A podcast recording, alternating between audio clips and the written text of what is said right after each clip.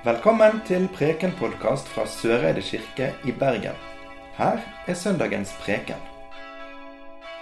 Dette hellige evangelium står skrevet hos evangelisten Matteus i det 16. kapitlet.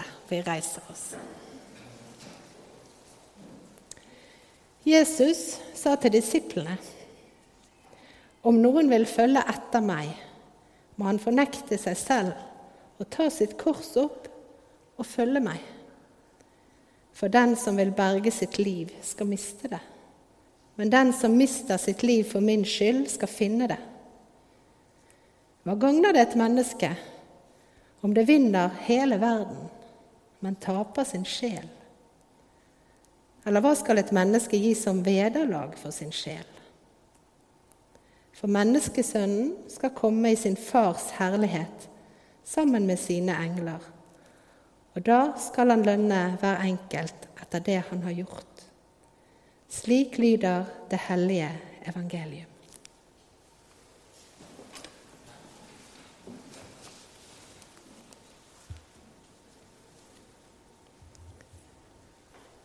Følge etter, fornekte seg selv, ta sitt kors opp, miste sitt liv.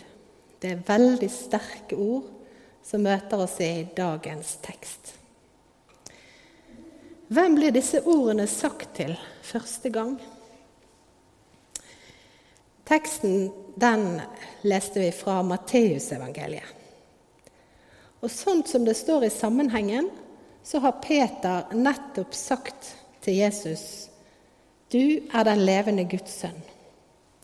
Jesus har bekjent, nei, Peter har bekjent at Jesus er Messias som de venter på.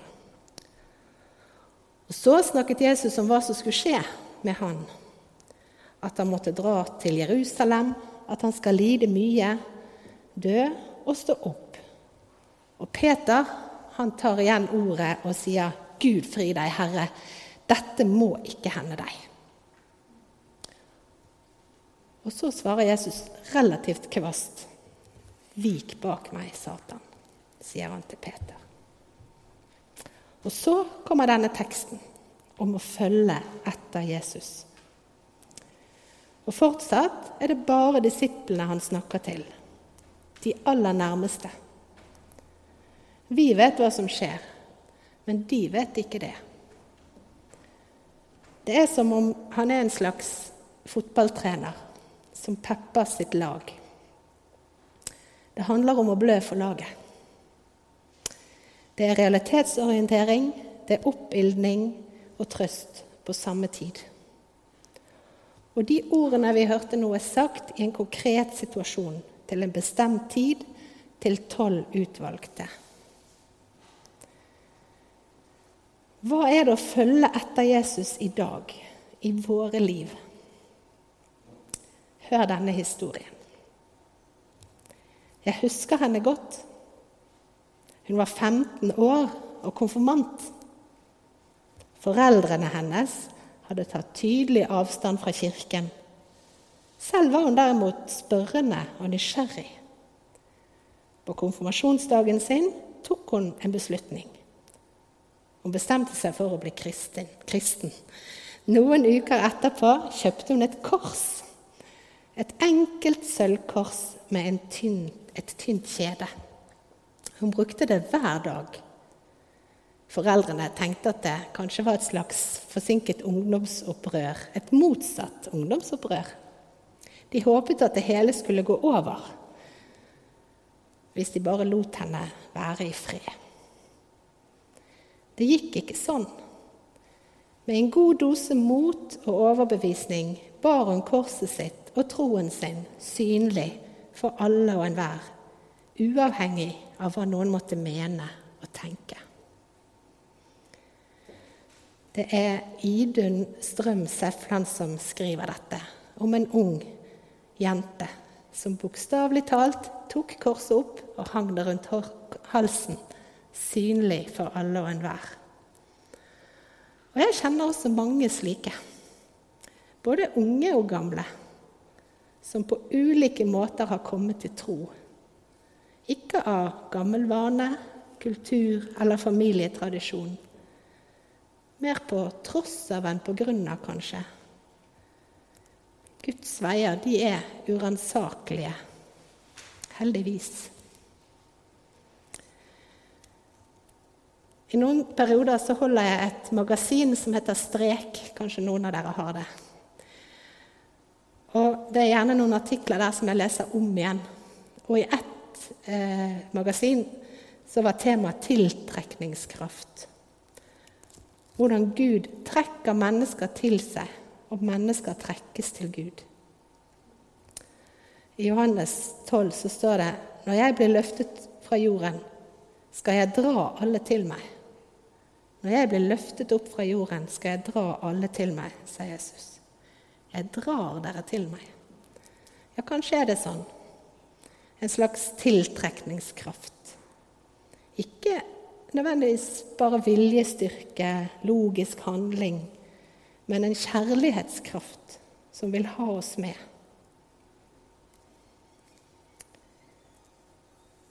Og I dette magasinet som jeg henviste til, så er det mange sterke historier. Uforklarlige hendelser og Historier om mennesker som møter Jesus, og tro som blir til etterfølgelse. Som en slags tiltrekningskraft til det hellige. Og det er fint å lese om. Men hvis det er sånn, så er det ett spørsmål som blir stående igjen og dirre for meg. Hvorfor tror da ikke alle? Hvorfor ser ikke vi det samme? Hvorfor kjenner ikke alle den samme tiltrekningskraften mot Gud, mot det hellige? For vi vet alle at i samme familie, i samme vennekrets, i samme kultur, så tror vi ikke det samme. Jeg skulle ønske jeg kunne svare, men det kan jeg ikke. Men jeg vet bare at Guds veier er uransakelige på så mange vis. Og kanskje er Gud så stor og vis og kjærlig at de som trenger å være i fred, får lov til å være nettopp det i fred.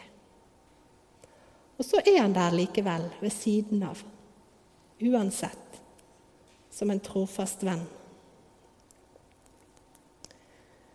På veggen nå så skal dere få se Nei, der ser dere det allerede. Et ikon Og da jeg var inne på kontoret til Gunnar nå, så fant jeg at han hadde det på veggen, så jeg satte det fram på alteret. Um, dette ikonet så ser dere Jesus på høyre side, og så er det en egyptisk munk på venstre side. Og han het Menas og levde ca. 600 etter Kristus. Og dette ikonet har fått navnet Jesus og vennen hans. Jeg har gitt i konfirmasjonsgave til veldig mange, og jeg har det på, på skrivebordet mitt hjemme. Og det er fordi det minner meg om hvem jeg er, og hvem Jesus er. Og jeg syns det gir mange svar på hva det skal være å følge etter Jesus. Jesus legger armen rundt Menas. Han tar et godt tak. Han er en venn så er de nesten like høye. Det er ikke sånn at Jesus rager over vennen sin. De er like høye. Det kommer kanskje ikke så godt frem her, men hvis dere ser nøye etter, så ser dere ikke Jesus sine føtter. Men Menas sine føtter, de er godt plantet på jorden.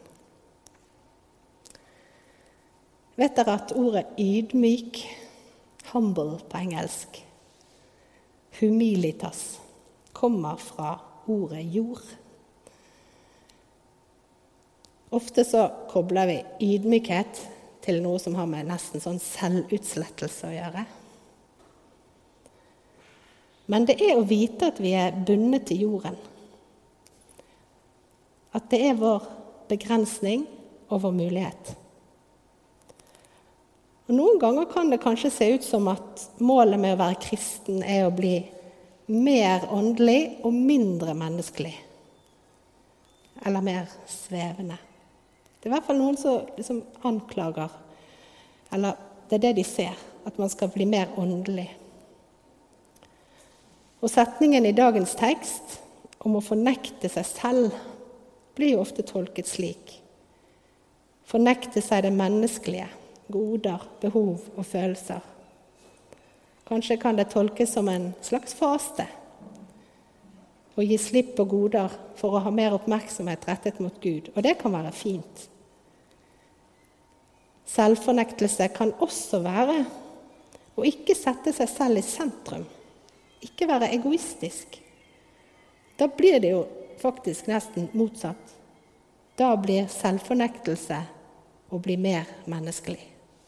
Mer medmenneskelig. For det er mennesker vi er. Det er mennesker Gud elsker. Inkarnasjonen, det at Gud ble menneske, betyr at det guddommelige er forenet med det menneskelige. At det himmelske er tilgjengelig gjennom det jordiske. Og Disiplene de møtte Jesus som menneske, Gud og menneske på én gang. Og vi møter Gud som de menneskene vi er. Det menneskelige, det er kontaktflaten vi har mot Gud. Tanker, følelser, kropp. Hele oss. Tilbake til bildet. Begge disse to ser rett fram. De går sammen, de har samme mål, samme retning. Ut i verden og blant folk. Dere skal elske hverandre som jeg har elsket dere, sa Jesus. De ser rett fram. Men samtidig, hvis du ser nøye på Mena, så er det akkurat som det ene øyet går rett frem, og det andre så skjeler han litt mot Jesus. Ser dere det?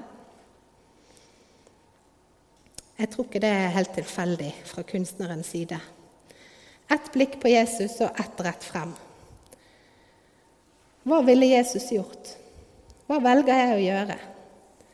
Hva vil det si å følge etter Jesus? Er det ikke det vi prøver å finne ut gjennom hele livet. Noen ganger så er det helt åpenbart, det virker helt klart og tydelig hva som er Guds vilje. Andre ganger er det kronglete. Vi strever med å forstå. Vi får det ikke til å henge sammen. Og noen ganger må man ta oppgjør med vedtatte sannheter. Men det å alltid ha et blikk til side mot Jesus. Lete i fortellingene om hva Jesus ville gjort. Lete i Bibelen. Det er en god leveregel og en god måte å følge Jesus på. For når det røyner på, så kan vi alltid gripe til fortellingene om hvordan Jesus møtte mennesker. Min venn er min, og jeg er hans. Vår kjærlighet skal råde. Det sang vi i den aller første salmen. Du er elsket. Det hviler ikke på gjerninger for at ingen skal skryte av seg selv, sier Paulus.